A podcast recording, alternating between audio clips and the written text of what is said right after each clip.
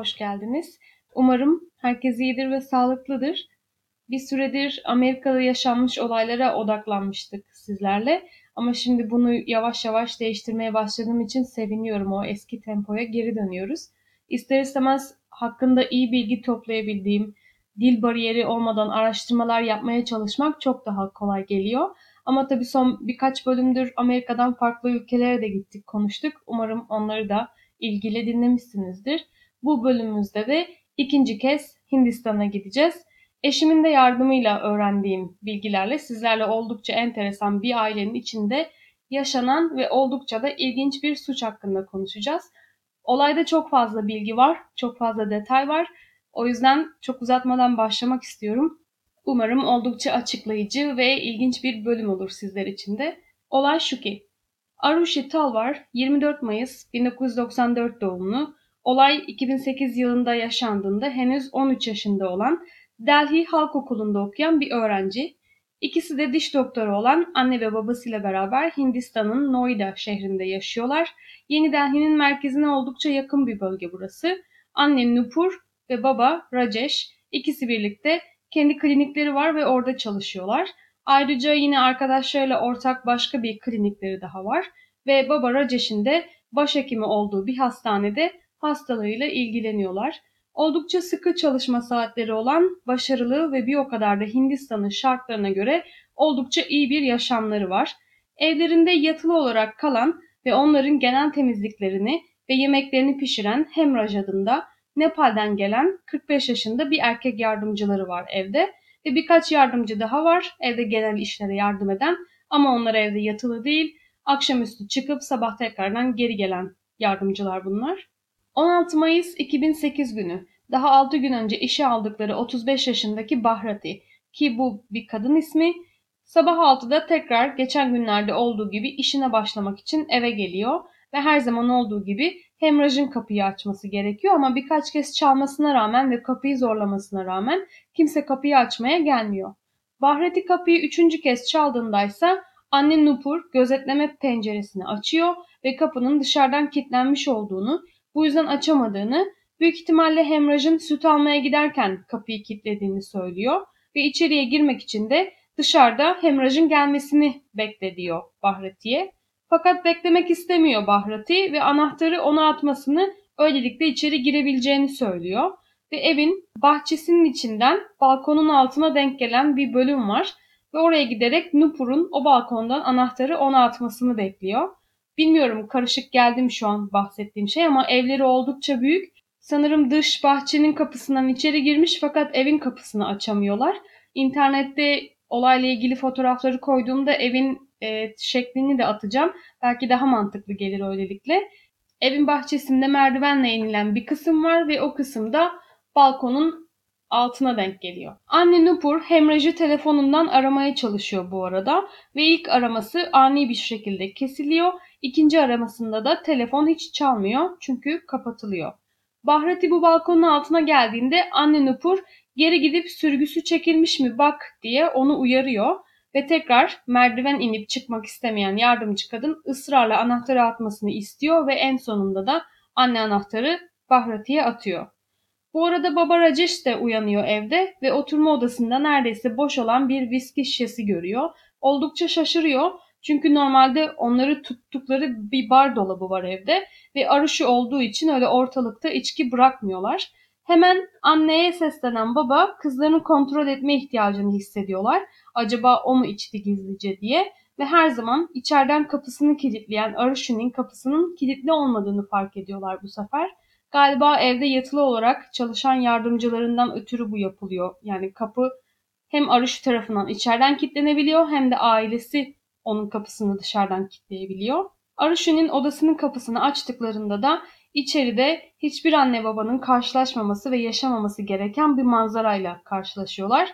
Arushi'nin cansız bedeniyle. Baba şok içinde çığlık atarken anne de olayın şokuyla sessizliğe gömülüyor ve Hindistan'da yaşanan en garip cinayetlerden birine dönüşen Arushi'nin ölümü hakkındaki soruşturmada başlamış oluyor. Bu arada eve girmeye çalışan yardımcı kadın Bahrati kapıyı anahtarı kullanmadan sert bir şekilde iterek açmayı başarıyor. Kapıyı hiç kilitlenmemiş, sadece sürgüsü çekilmiş halde olduğunu görüyor ve içeri girdiğinde de babayı Arushi'nin odasında ağlarken anneyi de kapının önünde oldukça soğukkanlı bir şekilde hiç tepki vermeden beklerken buluyor. Onun geldiğini gören anne Nupur onu Arushi'nin odasına çağırıyor ve içeriye girdiklerinde anne Arushi'nin yatağının yanına gelerek onun bedenini örten battaniyeyi kaldırıyor ve Arushi'nin boğazının kesildiğini görüyorlar. Ve o andan itibaren aile ortada olmayan Hemraj'ı suçlamaya başlıyorlar. Dışarıya çıkan yardımcı kadın önce etrafında ailenin komşularına haber vermeye, yardım çağırmaya gidiyor ve ailede akrabalarına ve dostlarına haber veriyorlar ve komşularının güvenlik görevlisi olarak çalışan bir kişi de polisi arayarak haber veriyor. Şu ana kadar yaşanan gariplikleri az çok kafanızda topladığınızı görebiliyorum. Polisler olay yerine geldiklerinde de evin salonunda en az 15 kişiyi, anne ve babanın odasında 5-6 kişi olduğunu görüyorlar. Her ne kadar o anda Arushi'nin odası boş olsa da o odaya daha önce girip çıkanlar olmuş ve evin her yerinde olan birçok insan olası bütün kanıtları deforme etmiş olduklarını tahmin etmek çok da zor değil bu noktada. Ve aynı zamanda da çevrede yayılan haberlerle medya mensupları da bölgeye geliyorlar ve sabah 6'da yardımcı kadının eve gelmesiyle başlayan bu hareketlilik 2 saat sonra 8'de inanılmaz boyutlara geliyor. Az çok Hindistan'ın nüfusundan tahmin edebilirsiniz olayın nerelere gelebileceğini. 16 Mayıs günü olay yerini inceledikten sonra alınan ifadeler doğrultusunda da evin ana yardımcısı olan Hemraş baş şüpheli olarak aranmaya başlanıyor. Evi detaylı incelemeye çalışan polislere Baba Rajesh sürekli bunun bir zaman kaybı olduğunu, dışarıya çıkıp sadece hemrajı aramaya odaklanmaları konusunda sürekli ısrar ediyor ve polislere direkt olarak Nepal'e hemrajın şehrine giderek arama yapılmasını ve bunun için de 25 bin rupi para teklif ediyor onlara. Polisin düşüncesi hemrajın bir süre evin salonunda içki içtikten sonra kendisini kaybedip küçük kızın odasına girmiş olduğu ve ona tecavüz etmeye çalıştığı sırada direnen Arushi'nin boğazını Nepal'e özgü olduğu bilinen Kukri isimli bir bıçakla kesmiş olduğu. Bu bıçak da biraz bumerangın şekline benziyor. Biraz böyle kavisli golf sopasına benzer bir e, durumu var. Ve polis de aynı zamanda 20 bin rupi para ödülü koyuyorlar herhangi bir bilgi verene hemrajla alakalı. Şimdi işler biraz daha garipleşecek sanki yeterince garip değilmiş gibi.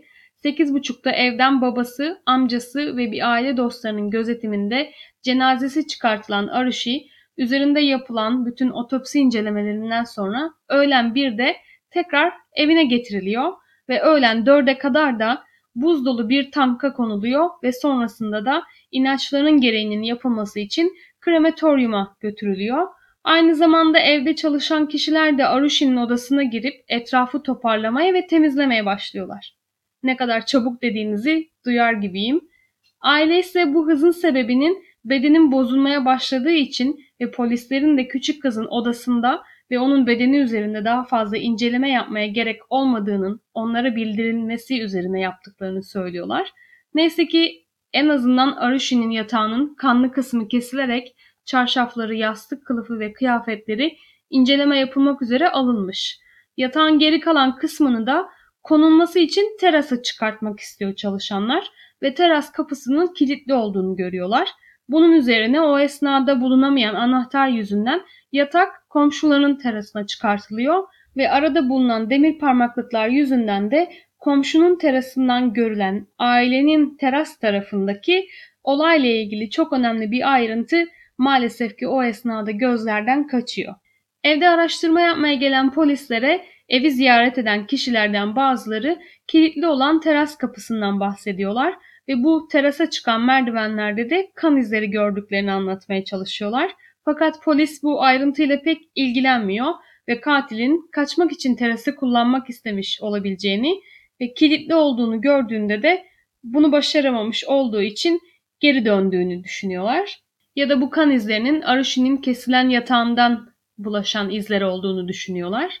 Bu terasa çıkmak ve oradaki kan izlerini incelemek konusunda polisler ve evin içinde olan insanlarla çok fazla gelgit yaşanıyor. Bu arada insanlar da Aruşu'nun annesi ve babası değil, evi ziyarete gelen e, ve cenazeyi taziyeye gelen insanlardan bahsediyorum. Henüz birkaç saat önce yaşanmış bir cinayetin ardından olay yerinin tamamıyla kapatılıp koruma altına alması gerekirken birçok insan evin içinde daha cenaze dışarıya çıkartılmadan itibaren ve en sonunda polisler bu terasta ve bu merdivenlerde inceleme yapmayı kabul ediyorlar ve Baba Rajeş'ten anahtarı istiyorlar terasın kilitli kapısını açmak için ve yanlarından ayrılan baba uzun süre geri dönmüyor. Sonrasında da ne anahtarı bulabildiğini ne de demir kapıyı açacak bir anahtarcı bulamadığını söyleyerek geri dönüyor. Zaten oldukça hareketli bir gün yaşandığı için evde diğer gelişmelerden gelen gidenden ötürü polis olayın yaşandığı gün olan 16 Mayıs'ta kapıyı açmayı başaramıyor.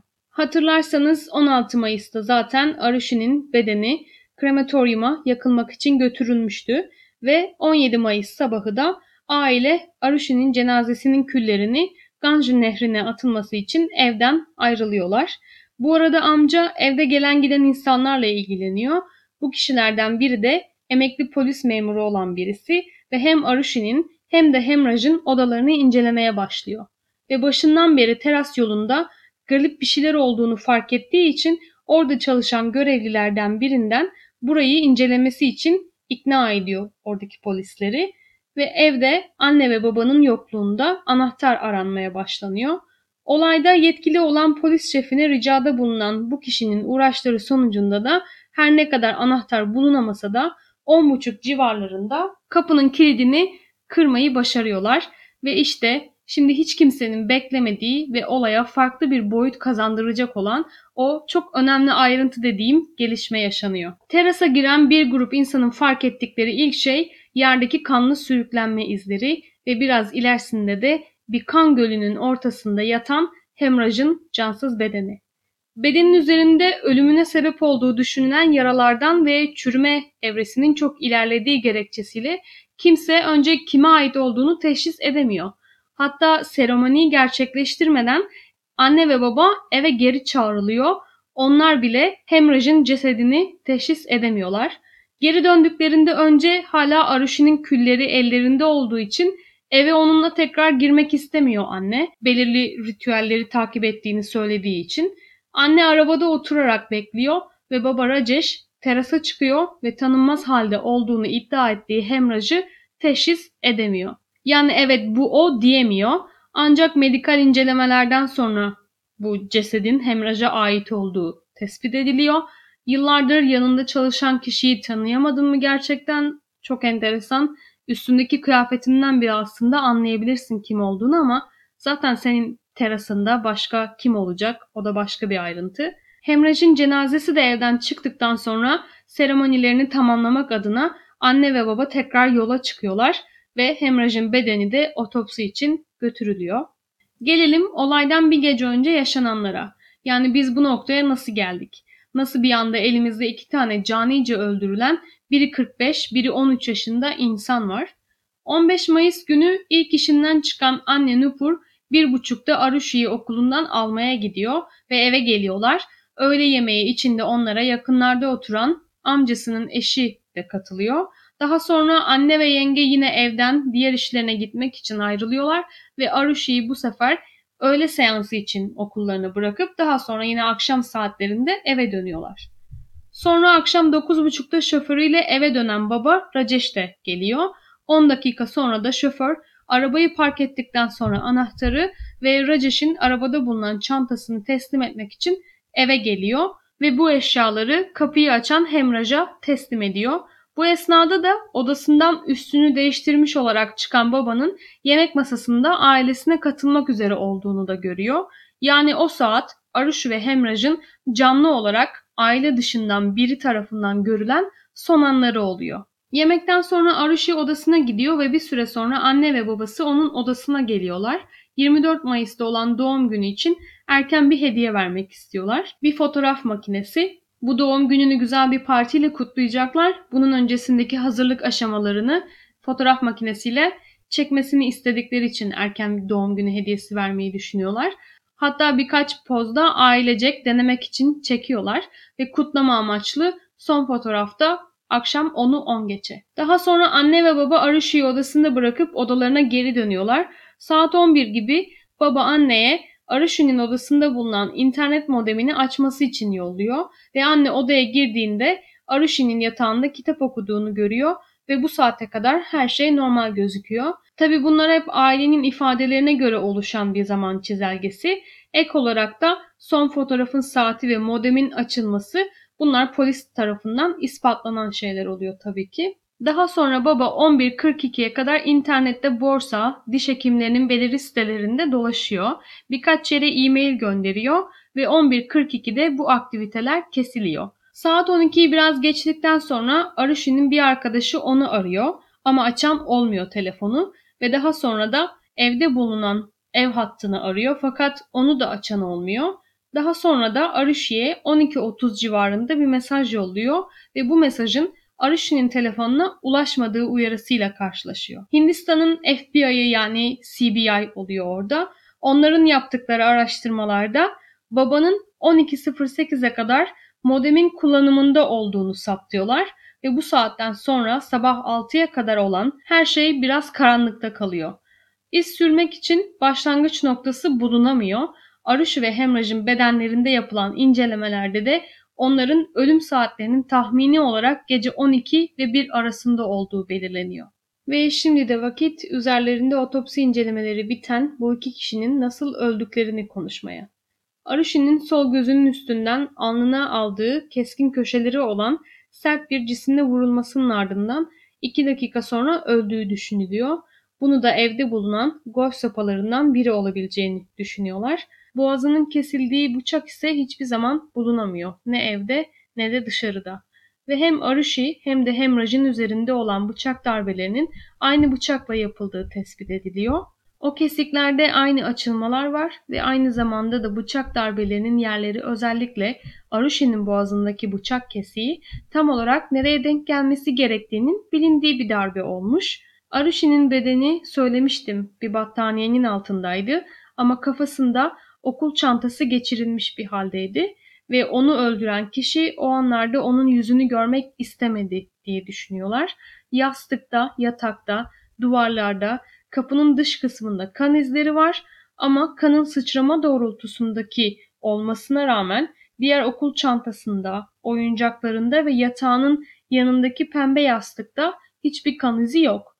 Bu da bu eşyaların oraya sonradan konulduğuna işaret etmiş polislere ve annesinin Arushi'yi son gördüğü an olduğunu söylediği anda hatırlarsanız Arushi kitap okuyordu. Bu kitabın adını dahi söyleyebiliyor anne. Hatırlıyor hangi kitabı okuduğunu ve bu kitaba baktıklarında da üzerinde hiç kan izi olmadığını görüyorlar. Bu arada düşünüyor olabilirsiniz Arushi'nin kapısı hem içeriden hem dışarıdan ailesi ve o tarafından kilitleniyor uyumak üzereyken ama anne bu odaya son geldiği anda dışarı çıktığında kapıyı kilitleyip kilitlemediğini hatırlamadığını söylüyor polislere.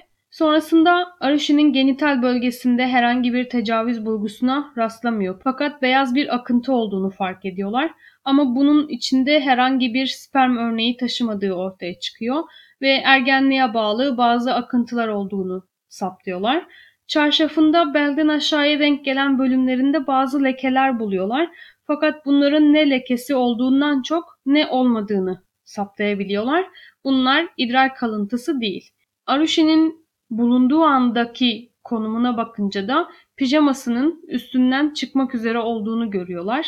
Yani yatakta aşağı yukarı doğru çekilmiş olduğunu düşünüyorlar ve çarşafın durumundan ve pijamasının üstünden çıkmak üzere olduğundan dolayı sanki biri ona saldırmaya çalışmış, ayaklarından tutarak yatağın dışına doğru çekmeye çalışmış o da kurtulmaya çalışıp yukarı doğru kendini çekmiş gibi. Biraz daha söylemek istediğimi betimleyebildim umarım. Ve polisler, bu arada polisler diyorum ama CBI bu noktada olayı çoktan ele almışlar. Fakat tabii ki de yaklaşık birkaç gün sonra CBI olaya dahil oluyor. Onlar da her ne kadar eve gidip araştırma yapmaya çalışsa da çoğunlukta polislerin ilk etapta buldukları kanıtlarla yola çıkarak bir şeyler söylüyorlar. Ve dediğim gibi CBI'de çalışan federal polislerde çarşafta bu kadar iz varken onun bedeninde ve kıyafetlerinde hiçbir şey çıkmamış olmasının sebebinin de bu olayı kim yaptıysa onun üstünü ve bedenini temizlediklerini düşünüyorlar. Yani bir ıslak mendil tarzı bir e, temizleyici aletle Arushi'nin bedenini temizlediklerini düşünüyorlar. Bu düşüncenin daha sonralarında 2012 yılında da e, Arushi'nin bedenini inceleyen doktorun da onay verdiği görülüyor ve bunun beraberinde Arushi'nin cinsel hayatıyla ilgili bazı bulgulara rastladıklarını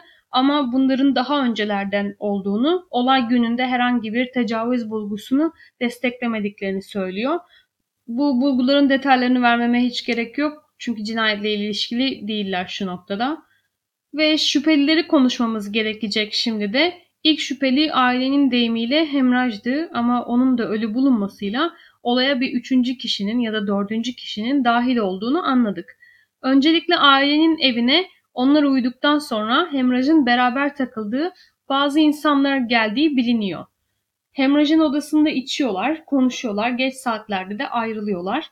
Belki de bu kişiler yine o gece oradaydı ve içkinin etkisiyle de evin içine daha fazla içki aramak için girdiler ve o sırada Aruş ile sesleri duyup kapıyı açtı ne olduğunu görmek için ve onu gören kişiler alkolün etkisiyle odasına girip ona saldırdılar Durdurmaya çalışan Hemraj'ı da o arada orada öldürdüler. Daha sonra da onu bir çarşafla yukarıyı taşıyıp kapıyı da üstüne kilitleyip anahtarı beraberinde götürdüler. Bu yüzden belki de terasın kapısının anahtarı hiç bulunamadı evde ne de dışarıda. Bu arada bir detayı söylemeyi unuttuğumu fark ettim şu an. Hemraj'ın bedenini terasta bulduklarında onun bir çarşafa sarılı olduğunu ve hala terliklerinin ayağında olduğunu görüyorlar. Ve dediğim gibi bu hemrajın sürekli beraber takıldığı kişileri polis buluyor. Kolay oluyor çünkü yine bu insanlar çevredeki evlerde çalışan insanlar. Yardımcılar bu şekilde arkadaşlık yapıyorlar ve bu kişileri sorguya alıyor polis. Bir sürü hapse atıyorlar ama hiçbiri ne suçu kabul ediyor ne de onları olayla bağlantılayan bir delil bulunuyor. Ve bir süre sonra serbest kalıyorlar. İçeriden bir bilgi vereyim şimdi. Yani eşimin dediğine göre içerideki kişi o. Polislerin sorgusu sırasında hepsi çok uzun süre dayak yemişler, itiraf ettirilmeye çalışmışlar ve bunlara rağmen eğer kabul etmedilerse demek ki gerçekten onlar yapmamışlardır dedi. Çünkü bu sorgu sırasında uğradıkları muamele öyle çok da yenilir yutulur cinsten değil. Zaten benim de izlediğim kadarıyla üzerlerinde bir çeşit yalan testi olan narko test de yapılmış e, başlarına ufak böyle kabloların bağlandığı, etiketlerle bağlandığını gördüm ben. Birkaç tane itiraf adı altında o ona saldırdı, bu buna saldırdı, sonra da hemrajı öldürdük tarzında birbirlerine suç attıkları bazı söylemler var. Fakat bunların hiçbirinin e, bir kanıtlanabilir bir tarafı yok. Zaten bu sözde itirafları yaparken de yalan testinde oldukları için sanırım doğruyu söylemediklerini fark etmişler. O yüzden dediğim gibi bir süre sonra serbest kalmış bu üç kişi. İkinci olarak yine benzer bir olay örgüsü var. Hemrajın sorunlu olduğu tek bir kişi vardı. Bu kişiye yüklü miktarda borçluydu ve para sorunları yüzünden zaten Nepal'deki eşine de bir süredir para göndermediği ortaya çıkıyor Hemraj'ın. Bu kişi o gece aniden eve geldi. Bu beklenmedik ziyaretin yarattığı gerginlikten dolayı Hemraj yemek bile yemedi. Çünkü mutfakta kendine hazırladığı yemek masasında hiç dokunulmamış akşam yemeği var. Zaten Arushi'nin aksine hemrajın sisteminde o gece yapılan otopside sadece çok az bir sıvı buluyorlar. Hiçbir yemek kalıntısı bulamıyorlar. Arushi'nin midesinde ise sindirilmemiş yemek kalıntıları buluyorlar. Bu da onun o akşam o yemeği yerken hayatta olduğunu gösteriyor. Hemraj'la odasında içerken birden tartışmaları büyüdü bu ikilinin ve çıkacak seslerden dolayı da olayı terasa taşıdılar. Zaten bu yüzden Hemraj'ın terlikleri hala ayağındaydı ve orada konuşurlarken Hemraj'ı bir darbeyle öldürdü. Sonra aşağı inip evden içki şişesi ve para çalmaya çalışırken Arushi kapıyı açtı ve onu kanlı bir halde gördü ve Arushi de olaya tanık olduğu için onu da öldürdü. İkisinin de telefonlarını çaldı çünkü anahtarlar gibi ikilinin telefonları da hiçbir zaman bulunamıyor. Hatırlarsanız ilk kadın eve geldiğinde anne hemrajı aramaya çalışmıştı. İlkinde çalıp daha sonra telefon kapanmıştı ve bu telefon sinyalinin de yanlış hatırlamıyorsam Delhi'nin kuzey tarafından geldiğini fark ediyorlar. Ama daha sonra ikisinin de telefonu bulunamıyor. Arushi'yi öldürdükten sonra da bu kişi salonda bulunan içki şişesinden içti ve bu yüzden bu şişenin üzerinde hiçbir şüpheliye uymayan bazı parmak izleri bulundu daha sonra ve aynı zamanda da hem Arushi hem de Hemraj'ın kan izleri bulundu. Ama tabi bu teori Hemraj'ın bedeninin nasıl olduğu da çarşafa sarılı olduğunu açıklamıyor. Ve gelelim şimdi hepinizin aklında zaten şimdiye kadar birçok soru işareti bırakan en büyük şüphelileri konuşmaya anne ve baba. Bu konuda onlarca teori var. Bunlardan ilki Baba Rajesh, Hemraj ve kızı Arushi'yi odasında beraber yakaladı. İkilinin arasında cinsel bir ilişki vardı ki ben bu söylemi doğru bulmuyorum. 13 yaşındaki bir kız çocuğundan bahsediyoruz. Ama ilişkinin karşılıklı istekle oluştuğunu söylenen bir teori bu. O yüzden bu halde belirttim. Baba ikisini bu halde görünce önce kızını yatağında öldürdü. Sonra hemrajı zorla yukarıya çıkardı. Onu orada öldürdü ve kapıyı kilitledi ve onun bedeniyle her şey bittikten sonra yani bütün ilgi dağıldıktan, olay yatıştıktan sonra ilgilenmek istedi. Bu yüzden kapıyı kilitledi ve bu yüzden de polisleri ve herkesi ilk andan itibaren hemraja yönlendirdiler. Hatta Nepal'e gidip arama yapılması için bile para teklif ettiler ki evden ve çevreden uzaklaşsınlar. Onlar da orada bedeni yok etmek için uğraşmaya vakitleri kalmış olsun. Bu yüzden de ilk eve gelen hizmetçiyi eve almak konusunda da yavaş davrandılar. İçeriye girdiği ilk andan itibaren de Hemraş kızımızı öldürdü diyerek söylemlere başlasınlar. Hatta öyle ki içeride onlarla ilk andan beri olan birçok komşuları da onların çok soğuk davrandıklarını, ruhsuz ve duygusuz olduklarının ifadelerini veriyorlar polislere. Ve zaten hepiniz de Arushi'nin bedeninin yakılmasının, cenazesinin kaldırılmasının, odasının temizlenmesinin ne kadar çabuk olduğunu fark ettiniz. Olay polislerin kendi yaptıkları özensiz ve umursamaz soruşturma yüzünden içinden çıkılmaz bir hal almış. Bu yüzden zaten polisler CBI'ye haber veriyorlar. Ama tabii onlar da o ana kadar yapılan bütün soruşturma ve delil toplama kapsamında ortada delil diye adlandırılacak bir şey kalmadığı için işlerini tam olarak yapamadıklarını söylüyorlar sonrasında. Onların söylediklerine göre delillerin %90'ı onlar gelmeden önce zaten ortadan kalkmış. İlk ihbar geldiği andan itibaren ilk polislerin eve girdiğinde bile içerisi öyle kalabalık ve öyle her şeye dokunulmuş ki hiçbir iz kalmamış zaten polisin de elinde. Ve daha sonra yine ortaya çıkıyor ki Hemraj'ın Arushi'nin odasında olduğuna dair hiçbir kanıt yok. Tam anlamıyla iki ayrı olay, iki ayrı cinayet gibi duruyor tüm bu olanlar. Birçok kişi zaten Hemraj ve Arushi'nin arasında bir ilişki olamayacağını söylüyorlar. 13-14 yaşındaki bir kız ve 45 yaşındaki bir adam. Annenin çıktığı bir haber kanalını izledim ben. Hemraj'ın Arushi'ye karşı bir baba figürü olduğunu söylüyor. Bu söylem de oldukça kaş kaldırdığımız, hayır dediğimiz bir söylem ama ailede ikisinin arasındaki ilişkiyi tanımlamak için söylüyorum ve birçok insan Hemraj'ın Arushi'ye bu gözle bakmayacağını ya da Arushi'nin isteyerek tırnak içinde söylüyorum onunla bir ilişki yaşamak durumunda olabileceğini düşünmüyor kimse.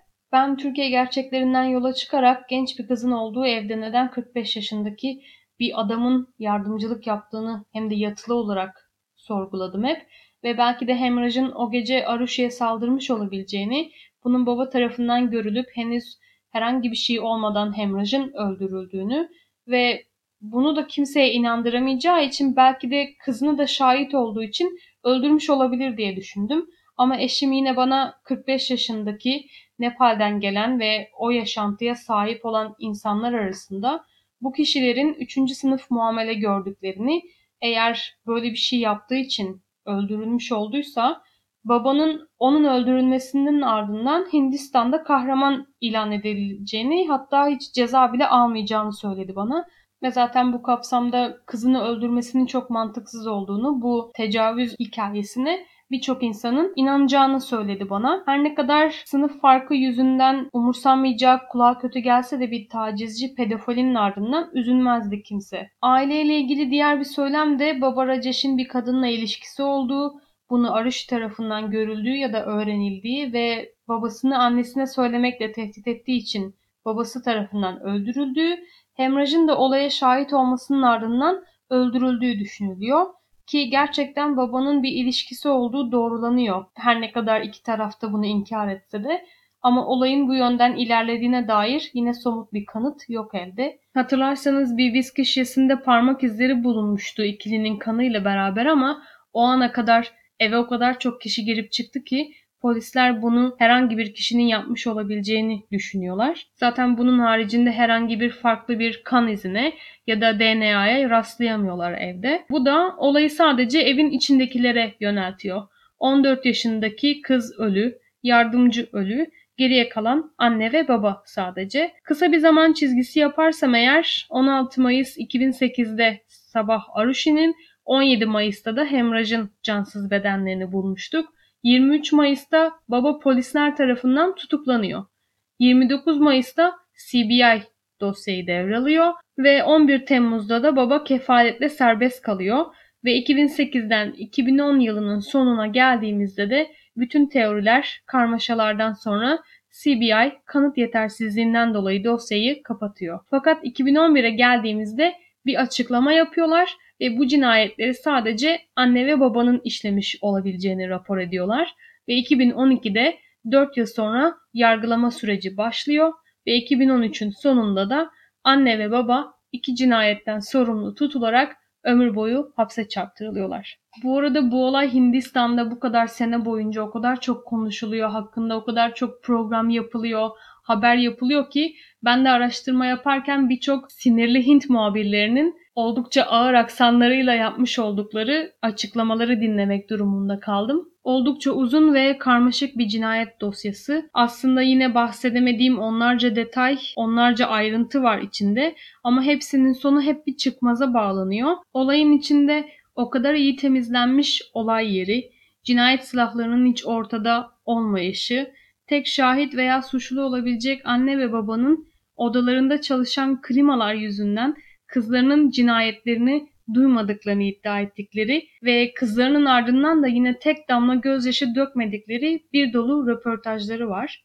Evet anne kızının doğum gününde o bahsettiğim haber kanalına çıkıyor ve gözünden tek bir damla yaş gelmeden ağzının her cümlesinde kuruduğunu belli eden bir beden diliyle eşinin aklanacağına inandığını ve onun asla böyle bir şey yapmayacağını söylediği bir röportajı var ve konuşmanın hiçbir yerinde kızının katilinin kim olduğunu sorgulamıyor. Bunun ortaya çıkması için insanlara yalvarmıyor. Tek derdi kocasının masum olduğunu ispatlamak, kendisinin olayla ilgili olmadığını söylemek. Zaten birçok insanın da anne ve babadan bu kadar çok şüphelenmesinin ve onların sanırım bu söylem yanlış olmaz. Hindistan'da en çok nefret edilen çift haline gelmesinin başlıca sebeplerinden biri de bu ikilinin beden dilleri ve kızlarının ardından bıraktıkları izlenim. Ve Kasım 2013'te girdikleri hapisten bir yüksek mahkemenin verdiği kararla Ekim 2017'de ikisi de beraat etmiş olarak dışarı çıkıyorlar. 4 sene hapiste kaldıktan sonra. Ve bu ikili cinayetler için ceza alan başka kimse de yok şu ana kadar. Aile hala masum olduklarını savunuyorlar ama dediğim gibi beden dilleri hiç de bunu göstermiyor ve bu cinayette Hindistan'ın şimdiye kadar yaşanan en gizemli olaylarından biri olarak kalıyor. Sizlere çok fazla detaylarda boğmadan önemli olduğunu düşündüğüm her bir detayı verdim elimden geldiğince. Dediğim gibi birçok insan anne ve babanın yaptıklarını düşünüyor bu olayı. Çünkü evin konumuna bakınca da odalar birbirine uzak değil. Anne ve babanın odası Arushi'nin odasıyla bir duvar paylaşıyor. Yani bu durumda kızlarının öldürüldüğünü duymamaları gerçekten çok imkansız geliyor kulağa. Hatta CBI babaya senin yaptığını biliyoruz ama sadece kanıtlayamıyoruz dedikleri bir dava bu. Dediğim gibi işleri çıkmaza sokacak düzeyde oldukça mükemmel, temizlenen bir olay yeri var geride ve oldukça kanıtların ortadan yok edildiği bir olay yeri var. Sizlere birçok temiz detay verebilmek adına ben birçok detayın içinde boğulduğum bir dava oldu bu. Umarım siz de ilgiyle dinlemişsinizdir. Bu arada daha önce anlattığım olaydan sonra eşimin Hint olduğunu söyledikten sonra Sizlerden bazı sorular aldım nasıl tanıştığımıza dair onu da kısaca açıklayayım eğer hala merak ediyorsanız. Biz Amerika'da tanıştık. İkimiz de aynı otelde staj yapıyorduk. Kendisi aşçı. Ben de orada restoranda görevliydim o sırada. 6-7 yıl Amerika'da yaşadıktan sonra 2019'da Türkiye'de evlendik. Daha sonra Estonya'da bir iş yaptık. Şimdi de İngiltere'ye taşındık. Burada kendi işimizi yapıyoruz. Bu haftalıkta bu kadar. Eğer olayla ilgili aklınıza takılan ya da merak ettiğiniz farklı şeyler varsa yorumlara yazabilirsiniz paylaştığım fotoğrafların altına. Burada belirtmediğim herhangi bir detayın üstüne gelirseniz eğer yine ben bildiklerimi sizinle paylaşırım o yorumlarda. Instagram'da takip etmeyi unutmayıp paylaştığım postları da beğenirseniz çok sevinirim. Çok teşekkür ediyorum dinlediğiniz için. Haftaya tekrardan görüşmek üzere. Kendinize dikkat edin. Hoşçakalın.